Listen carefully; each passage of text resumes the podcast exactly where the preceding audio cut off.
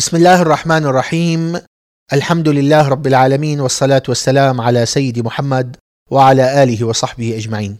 احبابي لعلنا في هذا الجو الخاص في الكوكب الارضي المشحون بكثير من الطاقات المختلفه والمتنوعه لابد لنا ان نقف لحظات مع روحانيه خاصه بروحنا يا ترى هل أرواحنا متحققة بطاقاتها أم كيف تتحقق بتلك الطاقات؟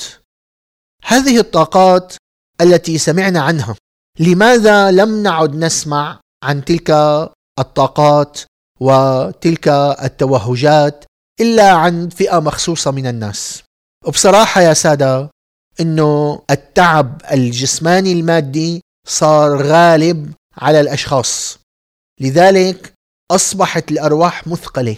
ما عاد تحسن تتوهج بالطاقة بحقيقة هذه التوهجات.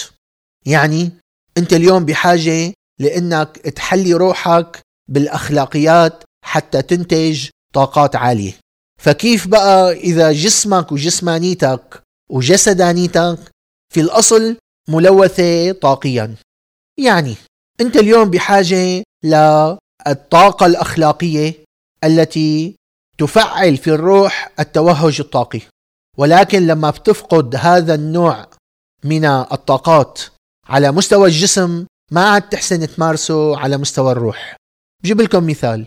أنت اليوم جسمانيا بحاجة لطاقة الأمانة في الغذاء. إنه يكون غذائك مأمن عليه صح في أمانة بإنتاجه في أمانة بنوع المواد اللي عم تنحط فيه. ما تكون مواد مسرطنة ما تكون في هرمونات مؤذية ما يكون في مواد حافظة من أنواع معينة مكتوبة بخط صغير حتى بالمجهر ما بتنقرأ ومدفوع عليها بس لتتسوق والناس تاكلها.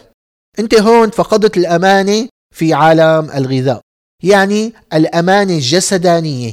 الأمانة الجسمانية انت فاقدها مع جسدك وما يتناوله جسدك من الأطعمة. لذلك الجسد مرهق. في حين في حين إنه نحن بحاجة هذه الأمانة في عالم الروح. لأنه الروح لما بتشع بالأمانة بالصدق بالقيم الأخلاقية بتتحلى بهذه الأخلاقيات فإذا بالروح تتوهج طاقة. بصير في عندك طاقة مفعمة قوية هائلة.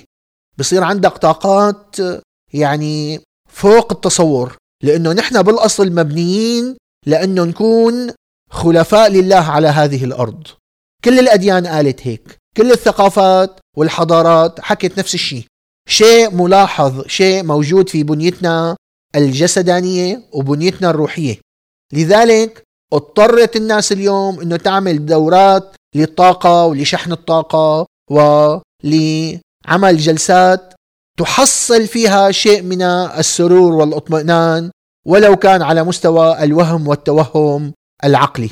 هذا من خيبة عالم الأرواح الأرضية يلي وصلت له اليوم. بصدق بصراحة بكل وضوح وباحترام لكل العقول والأرواح. لو ما عجبكم الكلام بس أنا رح لكم إنه إذا بدك أنت تكون مشع بالطاقة الحيوية الكاملة وتصل بقوى طاقية إلى أبعد حدود المجرات تصل إلى سابع سماء ما لك غير إلا إنك تحلي روحك بأخلاقيات. تحلي روحك بالأخلاق. بجوز تقلي الوسط الاجتماعي الجسماني المادي كوكبنا الأزرق اليوم ما بده هذه الأخلاقيات بقول لك أنت حر. إذا بدك توفر على نفسك بالمال والجهد وما ينضحك عليك ما لك غير إنك تحلي روحك بتلك الأخلاق وكل الأخلاق لأنه الأمانة بتعطيك نمط من القوى الصدق بيعطيك نمط من القوى والكرم بيعطيك نمط من القوى وهكذا كل خلق من الأخلاق له نمط معين من هذه القوى. في أيام قادمة إن شاء الله تعالى ربما أشرح لكم عن هذه العلوم وهذه العوالم وهذه الحقائق حتى تتناولوها بعيدا عن الخبص وبعيدا عن الابتزاز العلمي يلي عم يمارسه بعض الماسترات اليوم. لا يفهم حدا مني إنه أنا ضد الطاقة بالعكس.